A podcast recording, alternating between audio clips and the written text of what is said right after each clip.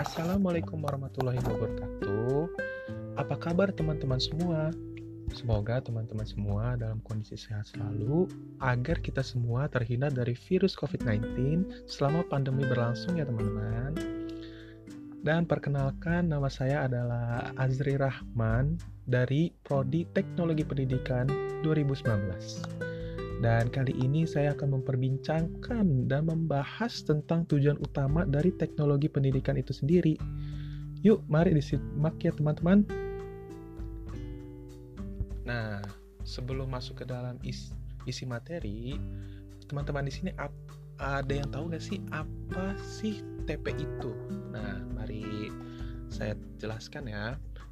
Jadi, teknologi pendidikan itu adalah satu bidang dalam memfasilitasi belajar manusia melalui identifikasi, pengembangan, perorganisasian, dan pemanfaatan secara sistematis seluruh sumber belajar dan melalui pengelolaan proses pembelajaran. Nah, objek formal menurut pengertian ini adalah bagaimana memfasilitasi belajar itu sendiri.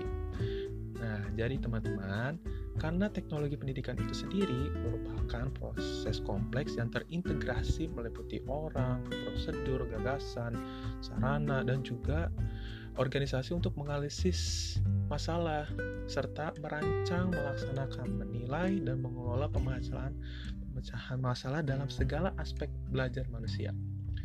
Objek formal teknologi pendidikan itu sendiri adalah memecahkan masalah belajar manusia dengan dilakukan cara menganalisis masalah terlebih dahulu, baru kemudian melaksanakan serta menilai nilai mengelola pemecahan masalah tersebut.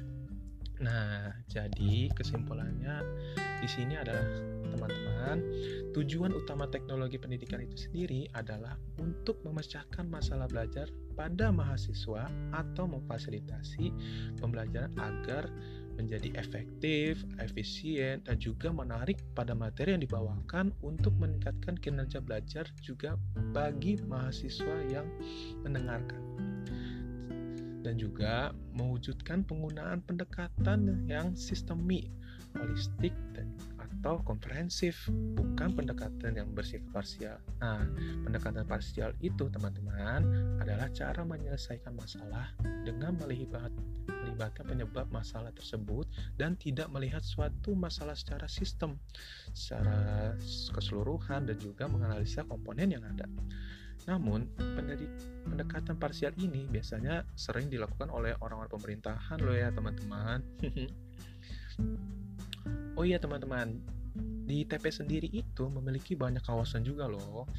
Contoh nih, contoh meliputi dari kegiatan yang berkaitan dengan analisis, desain, pengembangan, pemanfaatan, pengelolaan, implementasi, dan juga evaluasi baik proses-proses maupun sumber-sumber belajar. Nah, jadi banyak hal-hal utama termasuk tujuan utama TP itu sendiri yang dapat kita ambil menjadi goals utama kita menjadi seorang rappers. Sekian dulu podcast kali ini. Terima kasih bagi teman-teman yang sudah meluangkan waktunya untuk mendengarkan, podcast kali ini.